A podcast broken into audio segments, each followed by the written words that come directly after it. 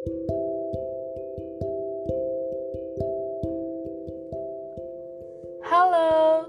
kenalan dulu ya.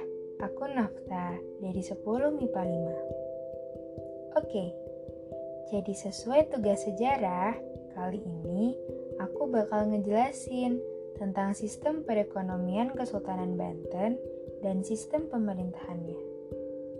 So, let's go!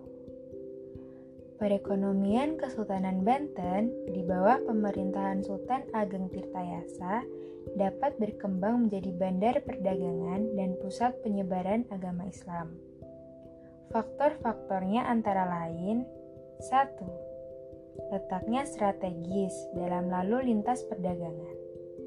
Yang kedua, jatuhnya Malaka ke tangan Portugis sehingga para pedagang Islam tidak lagi singgah di Malaka namun langsung menuju Banten. Yang ketiga, Banten mempunyai bahan ekspor penting, yakni lada. Faktor tersebut menyebabkan Banten banyak dikunjungi pedagang-pedagang dari Arab, Gujarat, Persia, Turki, dan Cina. Di kota dagang, banyak terbentuk perkampungan-perkampungan dari pedagang tersebut, seperti orang Arab yang mendirikan kampung Pekojan, orang Cina yang mendirikan kampung Pecinan, dan orang Indonesia dari suku-suku lainnya yang mendirikan kampung Banda, kampung Jawa, dan sebagainya. Hmm, sekarang mari beralih pada sistem pemerintahan Kesultanan Banten. Pasca lepasnya Banten dari Demak, penguasa Banten diberi gelar sultan. Adapun nama-nama sultan yang pernah menjabat ialah Maulana Hasanuddin atau Pangeran Sabakingkin pada tahun 1552 sampai 1570. Lalu Maulana Yusuf atau Pangeran Pasarean pada tahun 1570 sampai 1585. Lalu ada Maulana Muhammad atau Pangeran Sedang Rana pada tahun 1585 sampai 1596. Lalu ada Sultan Abu Al-Mafakir Mahmud Abdul Qadir atau Pangeran Ratu pada 1596 sampai 1647. Lalu Sultan Abu Al-Ma'alim Ahmad pada tahun 1647 sampai 1651. Lalu Sultan Ageng Tirtayasa atau Sultan Abu Al-Fat Abdul Fattah pada 1651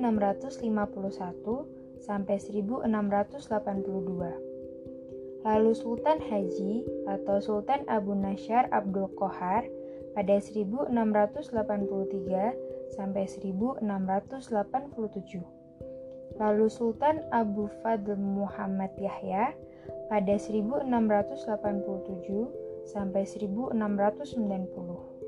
Lalu Sultan Abdul Mahasin Muhammad Zainul Abidin pada 1690 sampai 1733.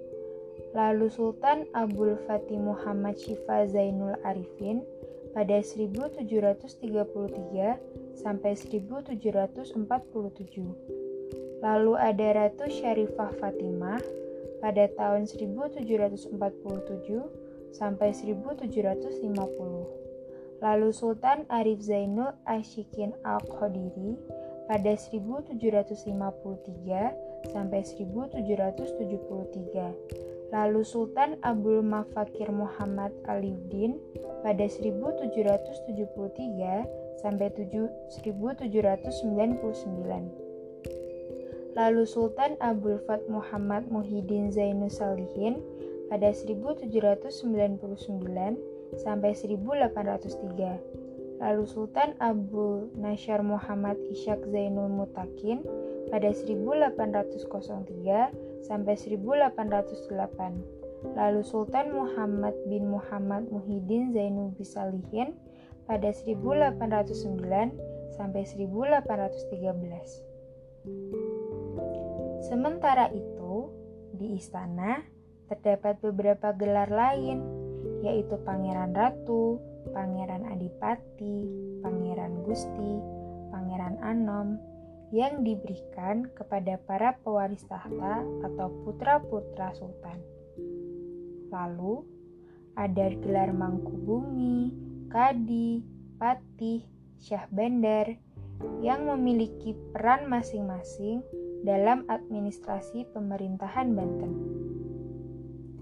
Di masyarakat sendiri terdapat golongan bangsawan dengan gelar Tubagus atau Ratu Bagus dan Ratu atau Syaib. Golongan lainnya yang memiliki kedudukan istimewa ialah kaum ulama, pamong raja, dan kaum jawara. Nah, itu tadi penjelasanku mengenai sistem ekonomi dan pemerintahan dari Kesultanan Banten. Terima kasih.